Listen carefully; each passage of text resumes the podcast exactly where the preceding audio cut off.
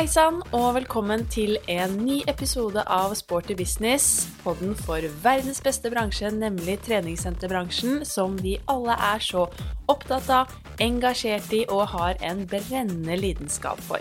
Jeg som prater, heter Eva Katrine Thomsen og driver Inspartum Akademi, og det er vi som står bak denne podkasten i samarbeid med North Stories og Daniel Kragseth. Og vi serverer deg jo en ny episode annenhver uke, og målet med denne podkasten er jo nettopp å kunne dele kunnskap, erfaringer og ikke minst gi deg som hører på, påfyll, litt ny kunnskap, sette i gang kanskje også refleksjon, gi deg en boost, rett og slett lære noe nytt. Og kjenne at du holder deg oppdatert på det som skjer i bransjen, og føler at du er ikke minst inkludert og kan få noe nyttig ut av podden. Og i dag så er temaet tema et av mine favorittema. Fordi selv om jeg elsker absolutt alt med denne bransjen og synes at alt er gøy, så er det jo ikke til å stikke under en stol at mitt store liksom det jeg syns er aller, aller morsomst, det er selvfølgelig gruppetimer, og da gruppetimer med trinn og musikk alt som koreograferes og gjøres til musikk, det syns jeg er ekstra magisk. Og i dag så er denne episoden laget for alle dere instruktører som lager trinntimer. Om det så er zumba, mer avanserte dansetimer, enklere dansetimer, om det er stepptimer, om det er høypuls Alt som inneholder trinn og musikk, det er det som er tema i dag. Og vi skal snakke om hva som skal til for å lykkes, gi deg som instruktør kanskje nye verktøy, sette i gang som sagt litt refleksjon, at du tenker gjennom din egen jobb som instruktør, og hvordan du legger opp dine trinntimer, hva du kanskje kan gjøre litt annerledes. Og så håper jeg også at du som er leder på et senter, eller andre har en annen stilling på treningssenteret, også tar deg tid til å høre denne episoden og får innsikt i hva som faktisk eh, kreves for å lage gode trinntimer, og hva som kreves for å få dette her til å virkelig lykkes på ditt senter, og få deltakerne til å ønske å komme tilbake igjen og igjen. Og i denne episoden så snakker jeg med Alexandra Kakorina, min gode bransjekollega og ikke minst venninne. Hun eh, er jo en av de som jeg selv ser enormt opp til når det gjelder det å lage helt unike trinntimer, og da spesielt dansetimer. Og hun er ekstremt profesjonell, helt ut i fingerspissene i det hun gjør, og er virkelig eh, en av de rette til å dypdykke ned i dette temaet med. Alexandra hun er i dag eh, utdanningsansvarlig i Norges eh, danseforbund, og har jo en lang karriere som profesjonell sportsdanser på elitenivå. Hun kan også vise til flere NM-gull her hjemme i Norge. Og i dag så er hun eh, trener, kursholder og internasjonal dommer, i tillegg til å være gruppeinstruktør og også arrangere treningsreiser med vingreiser sammen med meg, blant annet. Det har det jo blitt lite av i eller vi skulle Vi var på tur i 2020, helt på starten av året, før eh, noen av oss egentlig nesten ante noe om korona i det hele tatt, i januar 2020. Og så ble jo verden snudd på hodet, så vi skulle egentlig hatt femårsjubileum med treningsreise sammen nå i, eh, januar i år, men det får vi vente med til neste år. Så Alexandra og jeg, vi har gjort uh, mye gøy sammen, og mange av dere kjenner henne jo også sikkert som koreograf og danser fra Skal vi danse. Og vi to, vi er virkelig sånne nerder når det gjelder trinntimer og musikk, så nå gleder vi oss til å da skravle med deg og formidle denne praten vi har hatt sammen. Så riktig, riktig god lytt. Hjertelig velkommen til Sporty business, Alexandra. Tusen takk. Veldig hyggelig å være her jeg gleder meg til at vi nå endelig skal skravle sammen i denne poden, for mange, mange, vet jo sikkert at vi kjenner hverandre godt og gjør både treningsreiser sammen og kurs sammen, og vi pleier å bruke ganske mange timer i senga på disse treningsreisene og skravle om eh, det ene og det andre, og nå skal vi få lov til å skravle om eh, ting vi brenner for, og dele det med alle lytterne våre der ute. Absolutt. Jeg gleder meg. Jeg også. Men det kan jo hende at ikke alle kjenner til hvem du er. Har du lyst til å fortelle litt om hvem Alexandra er? Eh, ja, altså jeg kommer jo opprinnelig fra Russland, som kanskje alle kan jo høre allerede nå. Eh, men jeg prøver så godt jeg kan. Eh, og bakgrunnen min er jo fra sportsdans, eller bedre kjent som eh, selskapsdans eller pardans. Som jeg har drevet siden jeg var eh, fem år, eller siden jeg kan huske. Eh, alt jeg kan innenfor eh, holdt jeg på å si, dans og generelt pedagogikk og trening, har jo jeg fått med morsmelk fra min mor og min far, som har danset også hele livet, og som er også trenere og dommere. Så i, uh, I, tillegg til uh, da formell utdannelse, skole- og universitetsutdannelse som jeg har fått i Russland, så er jeg utdannet dansepedagog og trener, og personlig trener og trener, uh, treningsveileder i, ved Norges idrettshøgskole. Jeg har jo kommet til Norge når var det? 2004 som proffdanser for å representere Norge og konkurrere for det norske landslaget. Så sammen med min dansepartner så har vi representert Norge i ulike internasjonale konkurranser og VM-er og EM-er, og har vært norgesmestere i flere år.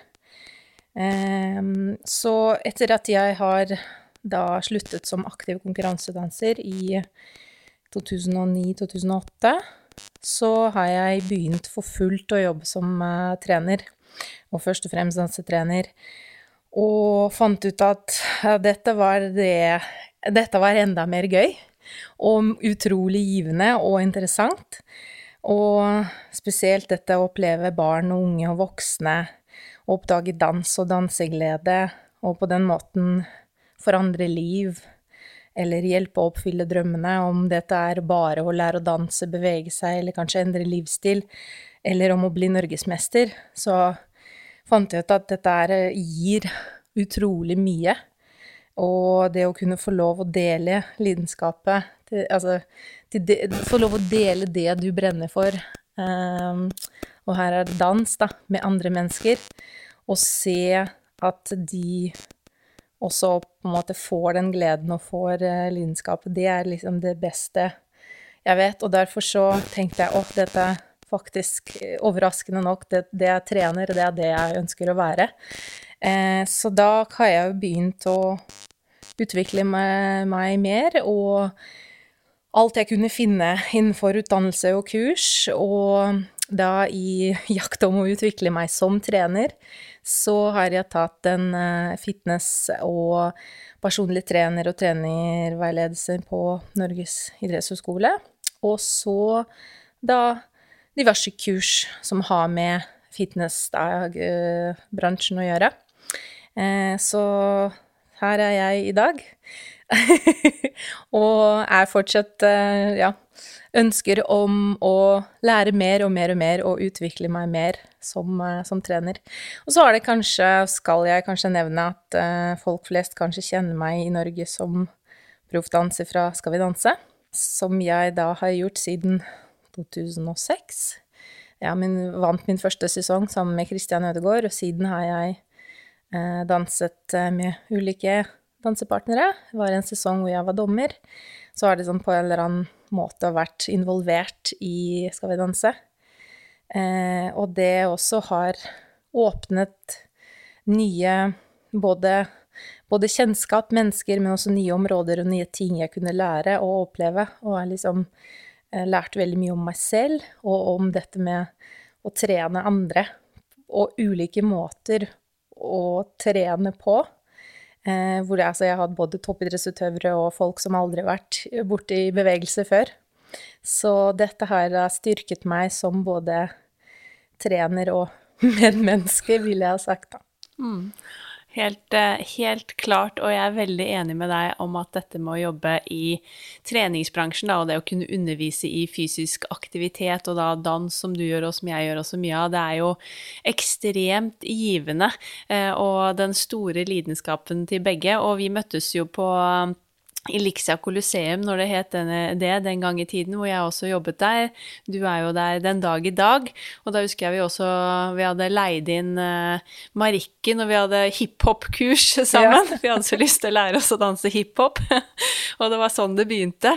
Og så har jo vår felles uh, ja, lidenskap for bevegelse og dans uh, ført til ja, disse treningsreisene våre og flere samarbeid. Og jeg syns jo det er veldig givende å jobbe sammen med deg. Du er jo ekstremt kunnskapsrik, og vi er like like nerdete begge to når det gjelder dette med gruppetrening og musikk og bevegelse, og det elsker jeg jo, og det er det vi skal da snakke om i dag.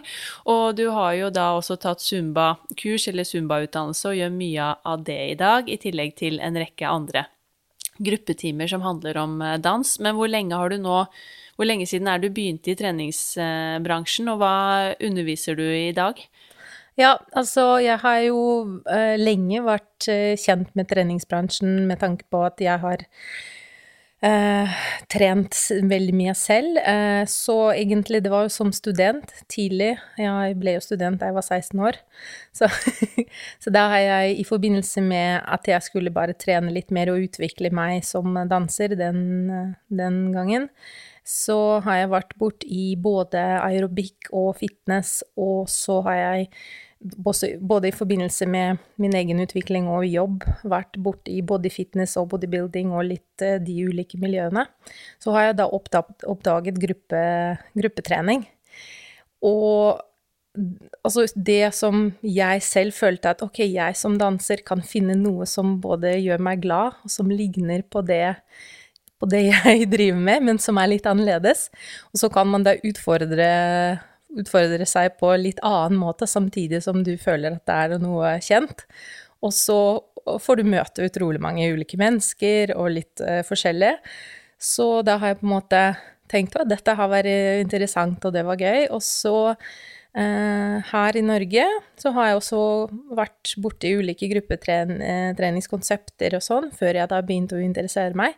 Og da husker jeg da at jeg var første gang med på en zumba-time. Og så bare liksom snakket litt med disse jentene rundt, da. Som da kanskje ikke hadde noe danseerfaring fra før. Noen har gjort det, noen har ikke. Og bare høre hva slags glede de får av det. Og bare se hvordan ansiktet deres lyser opp, og at de snakker om at dette her er høydepunktet i hverdagen, og og så generelt bare å oppleve den energien fra disse som var rundt meg, fordi jeg hadde jo dans på en måte 24 timer i døgnet egentlig i livet mitt. Men det å se hvordan er så altså enkel ting, altså en gruppetime, en dansefitnesstime i uka kan gjøre så stor forskjell for så mange mennesker, som er ulike mennesker. Så jeg tenkte at dette her har jeg lyst til å oppleve og drive med selv, i tillegg til det jeg gjør. Fordi det jeg gjør altså med sportsdans og den konkurransedansen og den idrettsdelen av det, det har jeg på en måte gjort eh, hele mitt liv. Men dette har vært både litt kjent, men også litt nytt. Så tenkte jeg at dette skal jeg også Jeg vil gjerne oppleve det. Og også har jeg da tenkt at dette være, kunne være en ny måte, eller en ny kanal, da, å spre danseglede på. Og nå ut til de jeg ikke når gjennom da ordinære dansekurs eller danseskoler eller en klubb, da. For det er jo veldig mange som ikke nødvendigvis ønsker å konkurrere, eller i min tilfelle finne dansepartner. Det er jo vanskelig. Så her fant jeg ut oi, dette her kan jeg drive. Så da jeg dro rett til USA, det var alle kurs som fantes der, fitness convention, alt sånn. Og det er jo der her kjenner du meg, nerden i meg. Jeg kunne ikke begynne på det før jeg hadde alle redskap. For jeg måtte kunne alt i første omgang, og så begynte jeg sakte og forsiktig å eh, lære det. det. Helt fantastisk. Mm. Så det var da i 2012 eh, hvor jeg virkelig begynte eh, å jobbe som instruktør, i tillegg til eh, min dansetrenerjobben. Det var da zumba-timer, ulike dansefitness-timer. Og så tenkte jeg at dette har jeg ikke nok, så jeg må utvikle meg, jeg må kunne mer om det. Så da er det da alle kurs jeg kunne finne på den tiden, der og da. Norges idrettshøgskole var jo til stor hjelp. Conventions og diverse. Eh, og så var det vel en eh, bekjent av meg som spurte om jeg kunne ta over en time på den, da, ja, på den tiden Elixia Coliseum. Og da sa jeg ja, dette er kjempegøy, det kan jeg. Og så er jeg den dag i dag. Der er jeg. Der har jeg en gjeng med fantastiske damer som elsker å danse, og jeg elsker å danse sammen med dem. Eh, så det var en periode hvor jeg underviste seks dager i uka, altså med tanke på gruppetrening. Altså hadde da både zumba-timer og ja, ulike andre konsepter som jeg både utviklet selv, eller som no, Hvis noen da spurte om jeg kunne ha en latinoinspirerte gruppetimer, eh, så holdt det noen masterclasses og noen happenings eh, litt eh, her og der. Så i dag, med tanke på gruppetreningsbransjen, så jobber jeg jo på fortsatt nå som heter Sats Coliseum. Eh, og arrangerer treningsreiser sammen med deg, Katrine. og helger og litt Ja. Det jeg kan Det jeg rekker i på i den travle hverdagen. Ja, for i dag så Du danser jo faktisk ikke hele, hele dagen, selv om kanskje noen tror det. I dag så sitter du jo faktisk eh, på et kontor store deler av dagen, for du har havnet i Norges eh, danseforbund. Det stemmer, eh, og det er også en sånn overgang fra å være aktiv 24 timer, altså drive selvstendig, kurs, eh, også faste treninger for aktive dansere, men også kurs for eh, vanlige folk, både for voksne og for barn, eh, foredrag og diverse.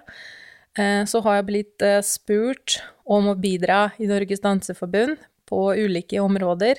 Først som frivillig i diverse verv og komiteer, og etter hvert da som utdanningsansvarlig i eh, Norges Danseforbund på hovedkontoret. Så i dag eh, er jeg eh, det. Så sånn, nå i disse koronatider så er det jo stort sett hjemmekontor. Men eh, ellers så jobber jeg aktivt med Dan Norges Danseforbund og utvikler dans, ulike grener. Det er det jeg syns er jo så fantastisk, at jeg får lov å jobbe med dans. Ikke på en sånn én område, men på veldig mange områder, og med ulike grener ikke bare sportsdans, som jeg føler at jeg har på en måte kan inn og ut uh, nå. Men da kan jeg få, lov å lære mer av andre stiler og grener, uh, som vi kaller det.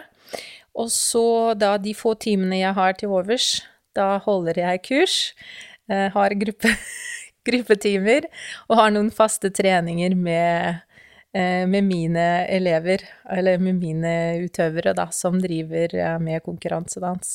Ja. ja. Det er ingen tvil om at uh, vi to elsker gruppetrening, i hvert fall den, deler den samme lidenskapen for uh, Og spesielt da dans, og som du nevnte, dette her med å kunne jobbe med mennesker og se den gleden vi kan gi dem av å være i aktivitet, men da også danse og bevege seg til musikk. Og som du nevnte, du har jo en fantastisk gjeng med deg hver uke på Eh, Colosseum, og mange av de damene har jo vært med oss på treningsreise i flere år. Og i år så måtte vi jo dessverre utsette pga. denne koronaen, men vi kommer sterkt tilbake senere. Men der òg har vi jo hatt med veldig mange av de samme år etter år, og det er jo utrolig givende og utrolig gøy å se, og en så utrolig takknemlig jobb å ha. Så um, ja, jeg elsker jo denne bransjen, og det vet jeg du gjør også. og Det er jo derfor vi ja, jobber 24-7 og har veldig mange ulike baller i luften. Og nå skal vi jo da ta dette med dans videre, og det er det som er temaet i dag. Dette med dansetimer, eller trinntimer, som vi skal snakke litt mer om. Og gruppetrening har jo opplevd noen år med litt sånn, ja, hva skal jeg si eh, like, Det har ikke vært like populært som eh, tidligere. Det har blitt veldig ja, vanlig for også damer og jenter å trene mer styrke, være ute i studio, de som kanskje alltid var på, i gruppetreningssalen tidligere. Men nå ser vi jo heldigvis at gruppetrening er på vei opp igjen. Det gleder jo oss gruppetreningsentusiaster, og har også ligget på topp tre over de største treningstrendene de siste årene. Og trinntimer kommer også nå virkelig tilbake og blir mer og mer populært, og jeg snakker stadig med mange medlemmer også som savner mer. De skulle gjerne hatt flere trinntimer på på sine treningssentre. Så hva vil du si er det beste, eller liksom mest unike med trinntimer, eh, synes du, og hvorfor bør vi oppfordre folk til å velge disse timene på eh, et treningssenter? Ja, det største ville jeg sagt at man glemmer at man trener. Eh, det, den kombinasjonen med musikk og koreografi som, deg, altså som får deg til å fokusere på helt andre ting, og ofte musikk som får deg til å glemme uh, hva, hva, du gjør, og glemme at du trener. Eh, men også da adrenalinnivå, litt sånn du blir inspirert på en helt annen måte. Eh, og det fellesskapet i tillegg. Eh, det å ikke være alene og ja, at det ikke oppleves som ork eller noe man må gjøre, men noe at man, man har lyst til å gjøre. Eh, så det eh, ville jeg sagt er den ja, hoved, hovedårsaken at det er mye, mye mer populært. Og så er det jo da selvfølgelig opp til oss instruktører det å få den opplevelsen enda Altså ta, ta, den opplevelsen helt ut i maks, ikke sant, og få ut det meste av den muligheten for um, uh, de der ute til å glemme at de trener men å få dem til å synes dette her var veldig kult og veldig gøy. Mm. Jeg pleier ofte å si at man skal tenke at man må levere en treningsopplevelse, ikke bare trening. Ja. Det må være noe mer, og klarer man å skape det i salen, så har man kommet utrolig langt.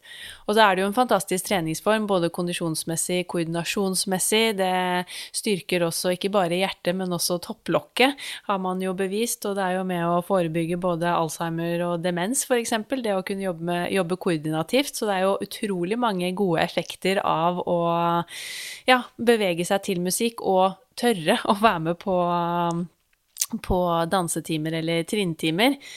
Men hva vil du si er det viktigste da for at instruktøren skal klare å lykkes og få til en god dansetime på et treningssenter? For instruktør så føler jeg det aller viktigste at instruktøren selv skal eller må like, eller må elske til og med, det man gjør.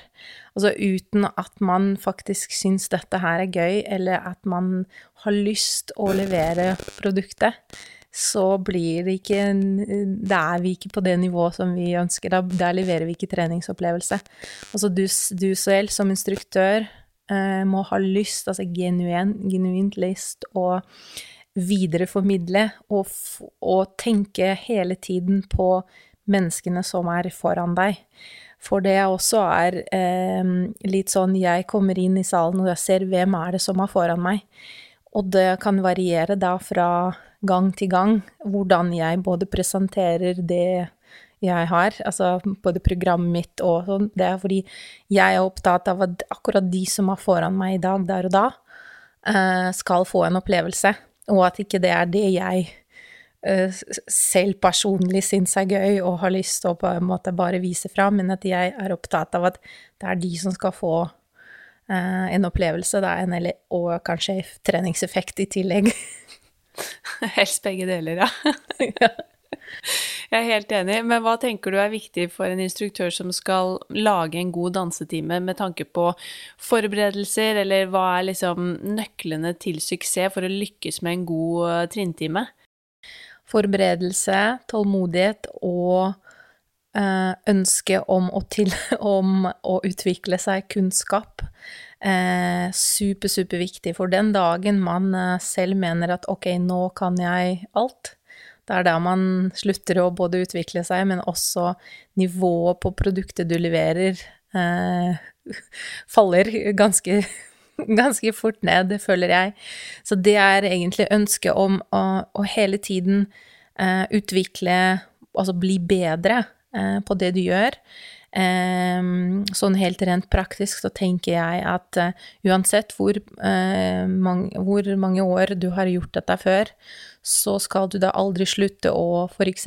filme deg selv og sjekke hvordan ser dette ut, hvordan presenterer jeg meg, hva sier jeg, hvordan sier jeg det, hvordan uh, underviser coaching av coaching min, min uh, der den skal være, eller er jeg nå i en sånn rutine, og den, den gangen det begynner å bli en sånn rutine, så må noe skje, da må det en forandring, eller et, et eller annet, du må tenke alltid utenfor boksen og aldri eh, slutte å søke kunnskap og utvikle deg, rett og slett. Og det igjen, eh, det å ønske om å gi en opplevelse til eh, de du har foran deg, at ja, programmet ditt skal alltid være Det skal være alltid noe nytt, noe unikt. Du skal I hvert fall ikke når det gjelder trinn- og koreografitimer, det å ha det samme programmet over flere måneder, som både du og dine faste elever begynner å bli både litt lei av, men også kun, kan det inn og ut. Så det skal alltid være en kombinasjon av noe kjent, mens noe nytt og noe spennende. Altså, ja, så liksom ulike ingredienser for å få det litt fargerikt og spennende, og igjen at det blir en opplevelse. Mm.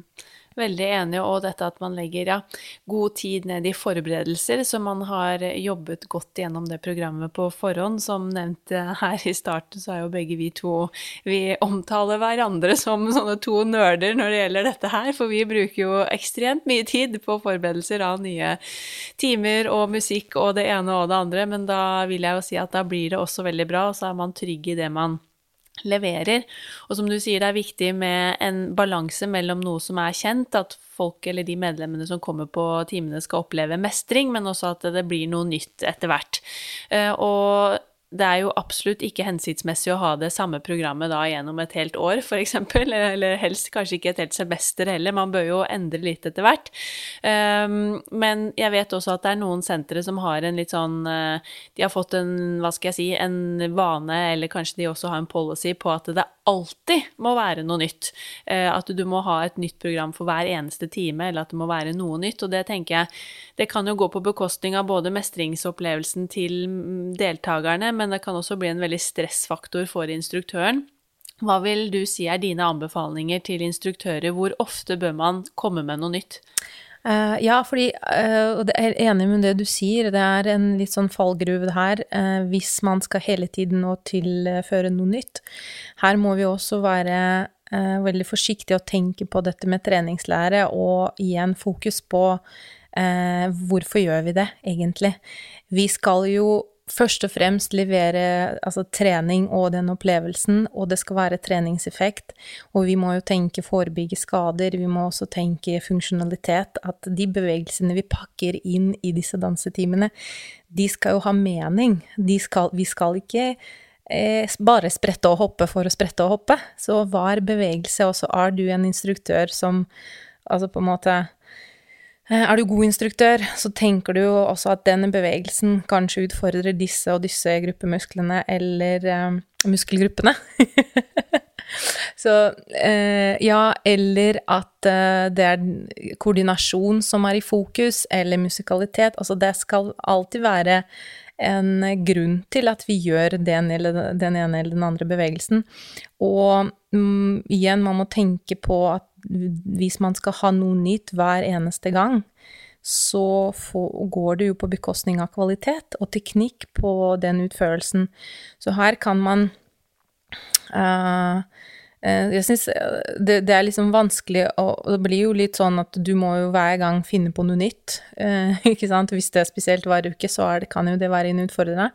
Men da kan du også gjøre noe som kanskje det kan være ny musikk, men bevegelsene kan være litt kjente, eller man kan bruke mer grunnbevegelse for å sikre at uh, det blir en kvalitet ut av det du gjør. Og igjen, mitt største råd er jo kanskje det å ha baktanke bak hver eneste bevegelse du gjør. Hvorfor ja, går vi til høyre, så skal vi gå til venstre? For vi skal ikke bare utfordre muskelgrupper på den ene siden, men også på den andre. Eh, og så er det da kombinasjon. Det skal da være noe med treningseffekt, noe med koordinasjon, noe med musikalitet, noe med bare gøy. Eh, men igjen gøy som da ikke går på bekostning av sikkerhet. Ja, og når du nevner dette med ja, treningslære og inkludere det, så er jo, selv om man ikke snakker snakker så mye om det. Vi snakker ikke om intensitetsstyring kanskje, og puls og på en dansetime som vi gjør på en ren kondisjonstime, men det er jo fortsatt like viktig. Det skal jo ligge i bånn når man skal ha en tanke om ja, pulstopper eller intensitet gjennom dansetimen, og som du sier, man er jo nødt til å da også holde en viss kontinuitet for at folk skal mestre bevegelsene, og da får de jo også større og større treningsutbytte for hver gang, og det er jo vanskelig hvis det er et nytt program hver eneste gang de kommer. Og igjen så vet man jo også fra idrettsforskningen at eh, mestring er jo nøkkelen til eh, suksess for å få folk til å få lyst til å komme tilbake igjen og igjen, så det er jo også utrolig viktig. Men jeg opplever dessverre at det er ganske mange som ikke helt får trinntimer eller dansetimer til å fungere, og jeg har ganske mange som spør meg ja, men det funker ikke helt på vårt senter. Jeg har ganske mange sentre i dag som nesten ikke har trinntimer, som før i tiden hadde det, men også fordi denne er, Altså, treningsbransjen varierer jo med trender, så det har jo vært fokus på styrketrening og hit-trening i mange år, så trinntimer har jo falt litt bort. Men det er mange som kanskje sliter med å få det i gang. Er det er det andre typiske fallgruver du tenker at man lett går i med trinntimer, og eventuelt hva kan man gjøre hvis man merker at det ikke fungerer? Ja, absolutt. Først og fremst så eh, må vi jo også se på hvem det er vi har foran oss. Har vi kundegruppe som er studenter, eller er det da kanskje noen i pensjonistalder? Eller om det er da miks, ikke sant. Om, om det er da folk som er aktive og går på gruppetimer eh, altså andre typer gruppetimer, eller da er det utelukkende de som bare vil ha danse- eller trinntimer. Så alt dette her må man jo ta i betraktning når man forbereder seg eller lager denne koreografien. Og så er det da selvfølgelig musikk som er noe av det viktigste, og selve koreografien. Og da er det eh, Koreografien skal være nøye planlagt, og den skal være enkel. Det er kanskje den største Eh, en av de, ville jeg ha sagt, eh, eh, største fallgruene hvor man tenker at dette er altfor enkelt, det kan ikke være interessant eller morsomt. Og så lager man da ganske komplisert koreografi, og der er vi jo der igjen at deltakerne opplever ikke mestring. For vi skal hele tiden være opptatt av at de opplever mestring, og de syns dette her er gøy, og de får det til. Og den, eh, den, gangen de føler at 'oi, dette fikk jeg til, dette var gøy', og det er derfra Der jobber vi ifra. Så med en gang vi ser at eh, Fordi der rekker du ikke å svette, eh, ikke sant, og det er det ofte jeg får tilbakemeldingen på mine timer, at folk syns Uh, først og fremst, uh, jeg får alltid høre 'Alexandra, du har så god musikk', og det er jeg så utrolig stolt av.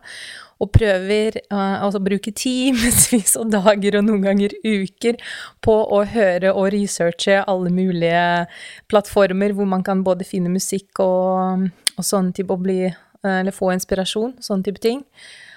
men også det å um, det at de sier at 'å, vi rekker å svette', og det er enkelt, men samtidig så føler de at de får utfordre seg, og det er den kombinasjonen. Og den kommer jo med uh, både erfaring, men også oppmerksomhet. Du, skal, du må gjerne følge litt med altså på både ansiktsuttrykk, snakke, kanskje snakke med uh, de du har foran deg, Uh, og teste og prøve. Det selvfølgelig til å begynne med så kan det være litt uh, vanskelig å lese gruppa, men etter hvert så får du en viss grad av tilbakemelding på hva er det som funker og ikke funker. Og jeg ville sagt at det funker alltid enkel koreografi som matcher 100% musikken, eller det du hører, de høydepunktene i musikken du hører. Og så da det lille ekstra fra deg som instruktør. Det at du gir av deg selv, du inspirerer, eh, og du har en god variasjon på det du gjør. Eh, det funker ja, 100% ville jeg sagt. Mm, 100% enig. uh, altså, ja, jeg, jeg, kunne ikke sagt det bedre selv. Men jeg vil også si at en av de største fallgruvene er dette å gjøre det for, for vanskelig. For det tror jeg det er så mange av oss som underviser trinntimer, som er så redde for at det skal bli kjedelig. Og jeg har vært der så mange ganger selv, kommer også fra danseverden, og jeg vet ikke hvor mange ganger jeg fikk beskjed om i min tidlige karriere som instruktør at Eva Katrine, nå må du skalere ned. Nå har du gjort det for vanskelig, nå har du for mange detaljer. Og det å også selvfølgelig skille timetypene. Er det en høypulstime som skal være rene grunntrinn, det skal være enkelt og høy intensitet, eller er det en dansetime, og hvilket nivå er denne dansetimen på? At man er litt klar med timebeskrivelsen og virkelig leverer det som står. Men det er også noe av det jeg har kanskje måttet utfordre meg mest på som en danse- og trinneinstruktør. Det å kunne gjøre det enkelt nok, ikke være redd for at folk skal kjede seg. Og erfaringen min da gjennom alle år, og som du sier også, det enkle er ofte det beste. Og man kan bare legge på en liten ekstra arm, kanskje litt uh, ulik uh, attitude eller stemning, eller en liten endring, og så blir plutselig et enkelt trinn noe helt annet. Og så storkoser deltakerne seg. Og som du nevner da musikk, at dette passer som hånd i hanske, musikken skal gjenspeile bevegelsene og trinnene, og motsatt, er jo helt essensielt. Og det er mitt neste spørsmål spørsmål til deg, er dette da med musikk? For det er jo så utrolig viktig, men det er mange som også syns det er vanskelig å finne god musikk og utnytte potensialet i musikken. Har du noen gode råd der for for det første hvordan gå frem og finne denne musikken, og hvordan utnytte den på best mulig måte? Ja, det er, det er, helt sant, og sånn er det. Det er vanskelig, dette med musikk, og det er vanskelig å finne musikk, men det er ikke umulig. Det er én du må stå på, du må ha tålmodighet, og du må regne med eh, å jobbe med dette eh, kontinu kontinuerlig. Altså, eh, altså, jeg kan jo si at til og med hver gang jeg jeg ser på TV, plutselig hører jeg en reklame, og det er en kul låt, eh, så er det der rett, rett på mobil og prøve å finne ut hvilken låt det er. Eh, bruke eh, aktivt iTunes og Spotify. Spotify har jo veldig fine mm, samlinger hvor man kan si topp ja, 100 beste i de ulike sjangre eller ulike typer musikk. Og det er også det å ikke være låst på den musikken jeg personlig liker, men at jeg må faktisk utforske andre typer stiler, andre typer musikksjangre, eh, eh, og kanskje finne noe som eh, jeg syns er fengende, men kanskje ikke noe jeg skal høre på sånn i hverdagen.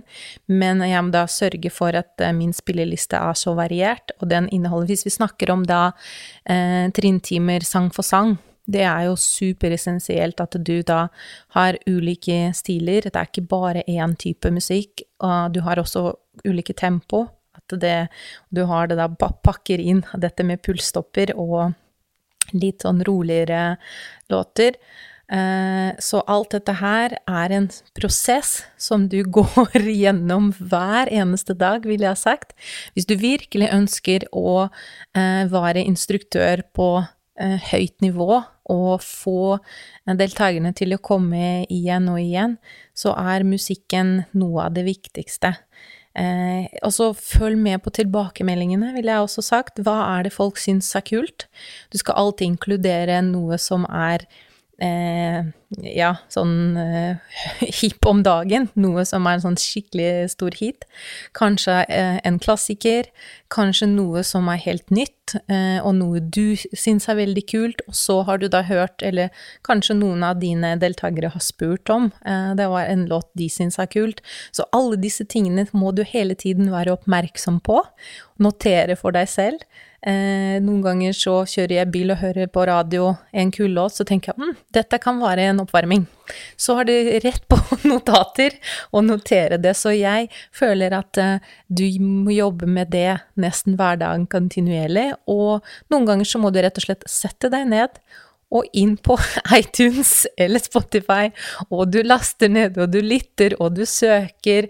Og så selvfølgelig da i tillegg til de konseptene som da har musikk, altså faste konsepter, hvor du da får enten musikk tilsendt, eller du må forholde deg til den musikken som er der. Men der har du også en mulighet til å være litt kreativ. Eh, og rett og slett ha en baktanke for hva, hva låt du velger. Mm. Jeg kan skrive under på at det kan være rimelig frustrerende til tider. og jeg vet ikke hvor mange timer jeg har brukt på å ja, scrolle meg gjennom uh, spilleliste etter spilleliste på Spotify og lete i iTunes og det ene og det andre, men uh, ja, det um, lønner seg jo til slutt. Og som du sier, jeg også er sånn hører en uh, låt enten i liksom prøverommet på i klesbutikken ja. eller på TV-en, og da er jo Shazam eller Soundhound, disse appene, er jo en gruppeinstruktørs beste venn, vil jeg si, som du da kan bare plukke opp og ta opp en liten del av låta og få navn og artist, så det kan jeg i hvert fall også anbefale alle. Men jeg er helt enig, det er egentlig en pågående jobb hele veien, eh, og man må legge ned tid i det. Men hvis du da har funnet musikken din, begynner å liksom gjøre deg klar for time, har du noen tips da for Eller hvordan kan man gå frem for å kanskje bli enda råere på musikkbruken, eller utnytte liksom potensialet i musikken? Ja, da lytter du, og så lytter du litt til. Og så lytter du i kanskje et par døgn til, til du lytter litt til. Altså, eh, det er da selvfølgelig eh, handler om kunnskap. Eh, jeg anbefaler på det sterkeste det å enten ta kurs eller research, kjøpe noen bøker om elementær musikkteori.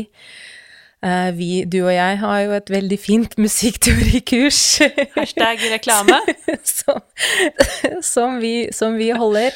Uh, men det er også jeg har um, mange kollegaer som rett og slett oppsøker informasjon og kunnskap via det å snakke med noen som Altså, det kan være musikere, eller det kan være noen som Om det er dansepedagoger, eller Du er jo den kanskje største eksempel, og den beste eksempel av dem alle, hvor du, du har spurt meg aktivt om ting du følte kanskje du ikke hadde så god kjennskap til, og det er jo egentlig det, det aller viktigste. Det har blitt mange spørsmål og sene kvelder på disse treningsreisene hvor jeg har spurt og spurt og gravd og gravd, og du har spilt cha-cha-eksempler og samba og tango, og vi har telt. Ja. Så, ja. Mm. Så det å analysere musikken, høre de, lytte til de ulike um, aksentene, det å uh, rett og slett um, kunne låta inn og ut, kunne hver eneste bang-bong og bim og hva det måtte være. Men også det å oppsøke informasjon. Det er at ok, jeg kanskje kan dette her veldig godt, men uh, på noen områdene er jeg litt usikker. Men det er bare å prøve å oppsøke hvordan. Uh, ja, sånn som i min, i min trenerkarriere, men også dansekarriere, har jeg da eh, igjen hadde ganske god kontroll på sportsdans, men kanskje ikke så veldig mye kunnskap om hiphop-kulturen. Og da er det ut på eh, min kollega som da er fantastisk dyktig hiphop-instruktør og guru, ville jeg ha sagt. Så er det bare å lytte og, og høre hva, hvordan jobber dere med musikk? Eh, eller da i, um, fra en swing, boogie-woogie-verden eller rock'n'roll-verden. Fordi eh, generell, eh, grunnleggende musikkteori er jo den samme, men eh, folk fra ulike miljøer, fra ulike bakgrunn, og med ulik eh, Altså det de holder på med.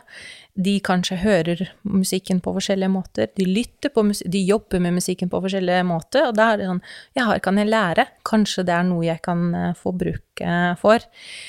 Og det anbefaler jeg å gjøre. Og det er aktivt eh, søke kunnskap og lytte til musikken inn og ut, identifisere de høydepunktene, og så tenke ok, kan jeg, hva kan jeg gjøre med bevegelse. Kan jeg legge på en arm eller en, eh, en, en, spark, eller hva det måtte være? Her hører jeg at musikken går tungt ned, da kanskje kan jeg legge på litt knebøy. Og så er det da en eller annen eh, høy, ja, veldig sånn glad musikk, så er det selvfølgelig en bevegelse som kan være litt lett eh, hoppende eller oppe. og igjen, med tanke på trinntimer, det er inspirasjon Eh, gjerne fra danseverden, fra eh, musikalverden, skuespillere, teater, eh, andre instruktører, andre dyktige instruktører. Og, og, det er liksom generelt å være åpen for at du ikke kan alt. For ingen av oss kan alt. Eh, og det på en måte å være ydmyk og rett og slett bare eh, oppsøke kunnskap eh, i hverdagen, det tror jeg ja, kan gjøre at du lykkes som uh, instruktør. Ja, det var en stor åpenbaring for meg når jeg begynte å lære om mer om musikk fra deg. Fordi jeg, jeg, følte og trodde jeg kunne ganske mye om musikk, og kunne jo det elementære og hadde jo kjørt timer i mange år. Men hvor jeg da virkelig oppdaget at her var det jo en helt ny verden, med tanke på hvordan man da kunne virkelig utnytte denne musikken som vi snakker om nå, med rytmer, hvordan du virkelig kunne bruke alle de små detaljene i musikken, det å velge riktig type musikk til da, selvfølgelig hvis man har en danse- eller zumbatime, til riktig type dansestil, for eksempel. Så der åpnet det seg, ja, virkelig en helt ny verden for meg, som jeg syns har vært superinteressant, og hvor det er fortsatt masse jeg ikke kan. Men det er som du sier, man blir aldri ferdig utlært, og det å lytte lytte på låta til du blir helt grønn og superlei, er liksom første bud.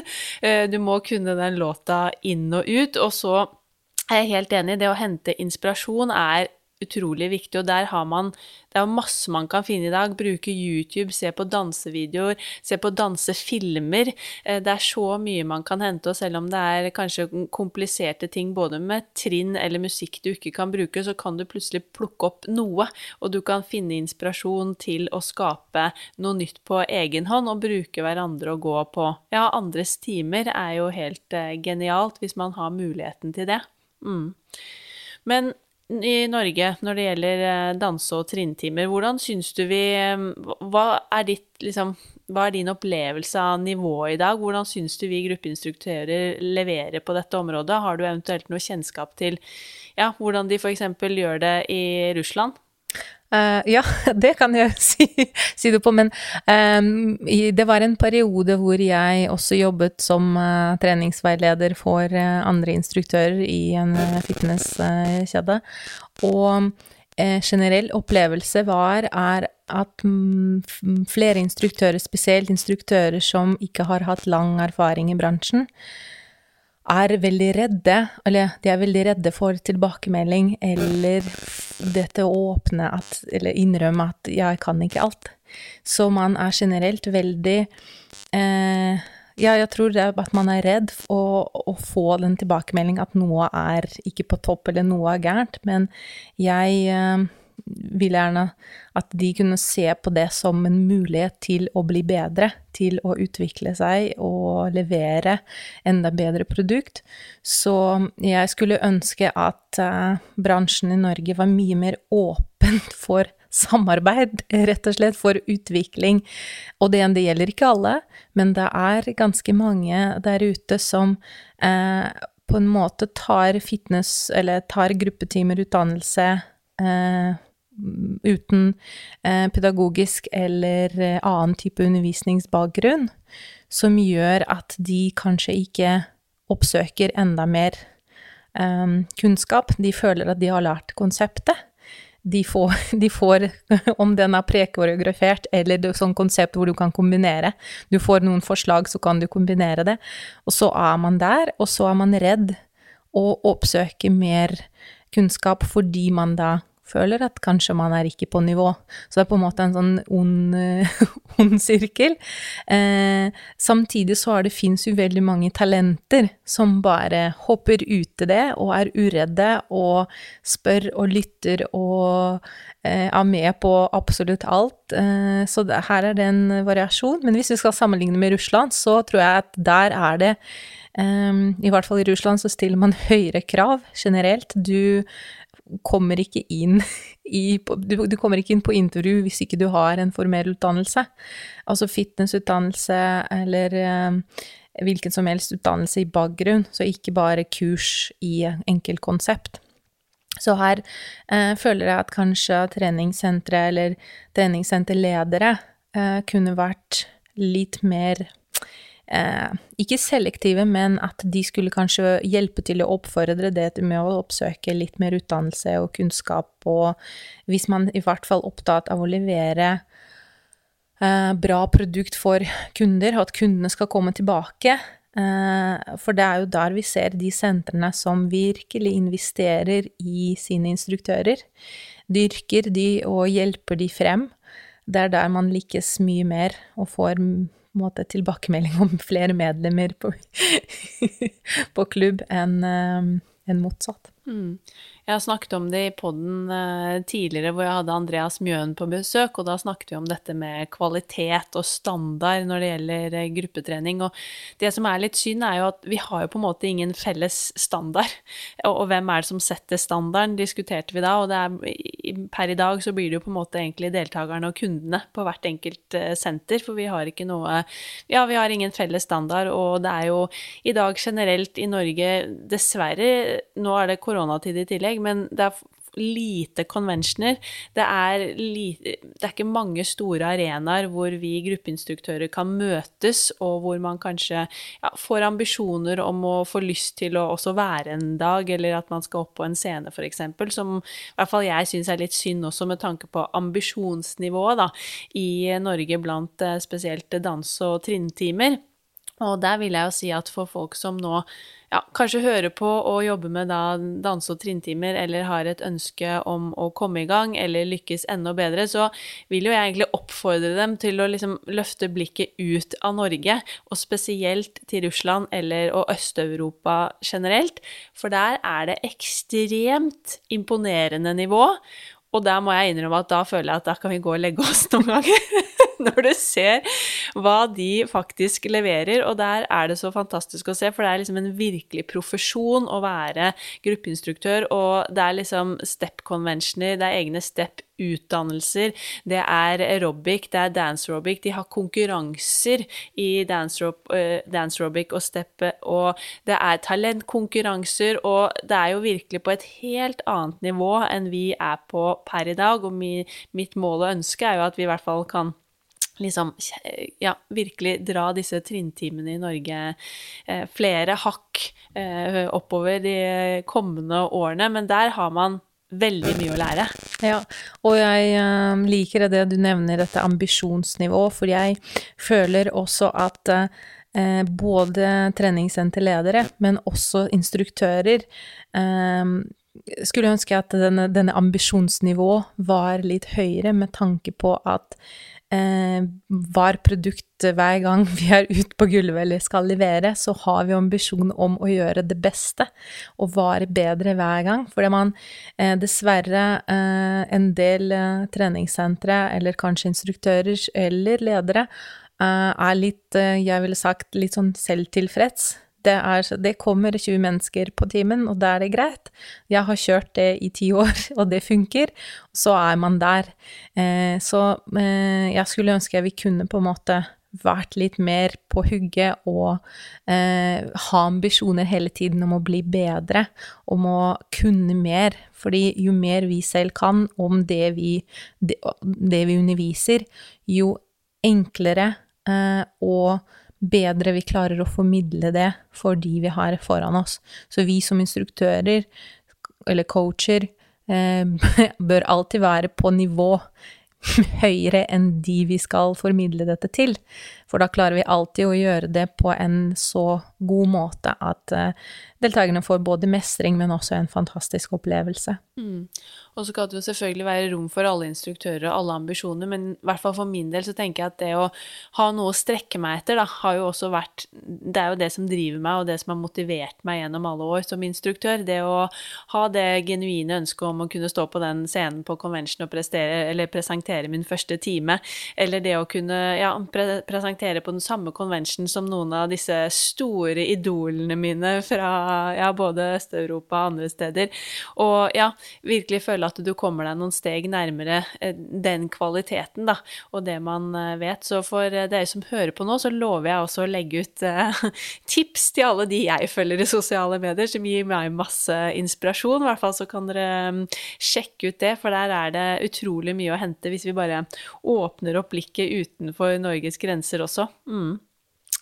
Men eh, sånn generelt i bransjen, da, har du noen tanker om eh, hva vi kan gjøre bedre? Jeg pleier å spørre de fleste som er innom poden om dette, for jeg tenker vi gjør jo en fantastisk jobb i dag og er en folkehelseaktør, men er det ting du tenker sånn generelt at vi i bransjen kunne gjort enda bedre? Jeg føler dette med kommunikasjon, det er å ikke være redde og tenke utenfor sin egen sin område, eller eh, det å hente inspirasjon på tvers av både konsepter eller eh, måter å jobbe på. Eh, og ikke være redd for å kanskje innrømme at noen svakheter eller styrker. Og ja, rett og slett å være åpne for å kommunisere med andre. Jeg føler at det er ikke at man ikke har lyst, men det er litt sånn frykt til å miste ansiktet noen ganger. At man eh, da etablerer, etablerer en viss grad nivå, og så er man redd hvis man plutselig dukker opp på et eh, kurs for nybegynnere i et eller annet annet, at man da kanskje mister ansiktet. Men eh, rett og slett det å være enda mer aktive på å eh, søke om kunnskap og jobbe på tvers av eh, ulike områder, da. Mm, og på tvers av bransjer. Bransjer, ja. Ja, helt enig. Men eh, sånn avslutningsvis, du og jeg, vi kunne jo ha sittet og skravlet om dette i det uendelige. Men uh, vi har jo fått gitt forhåpentligvis mange gode tanker og tips og råd allerede. Men uh, jeg må jo spørre deg òg, for det spør jeg alle som er innom poden. Har du noen uh, tips om hvem du kunne tenkt deg å høre i Sporty business? Jeg syns det hadde vært morsomt. Altså, det fins jo så mange kule mennesker, eller kunnskapsrike mennesker, som ja, er opptatt av det, men jeg syns det hadde vært også interessant for oss alle som jobber i treningsbransjen, å høre de på andre siden. Hva syns de? Hva tenker de? Så hvis da du kunne tatt to, tre, fire personer som enten har drevet med gruppetimer i 20-30 år, dems opplevelse, ulike gruppetimer, om det er da eh, kondisjonstimer, styrketimer eller trinntimer, Eh, hva syns de om oss, da? Om, om, oss som driver med om instruktører og treningssentre, kanskje fra ulike eh, treningssenterkjeder, altså si de low cost og de største. Eh, og rett og slett bare samle opp en, en slags Ja, hva tenker de om oss? Fordi er jo, vi er jo der for dem, så vi vil jo gjerne høre eh, hva er det vi kan gjøre bedre for dem? Hvordan, hvordan opplever de oss? Ja, Virkelig. Det er et uh, veldig godt innspill. For jeg tenker at mange av oss som jobber i bransjen, vi får etter hvert også veldig sånne kanskje ikke snevre, men veldig egne tanker om hva som gjelder, hva som er god kvalitet, hva som er viktig å gjøre. Uh, og har jo også da et faglig hode bak det vi leverer. Men det er jo ikke sikkert at de som er på timene våre, faktisk er så opptatt av det. Eller hva er det de egentlig ser på som viktig, og hvorfor er det de kommer igjen og igjen. Så ja, helt klart det hadde vært uh, veldig spennende. Mm.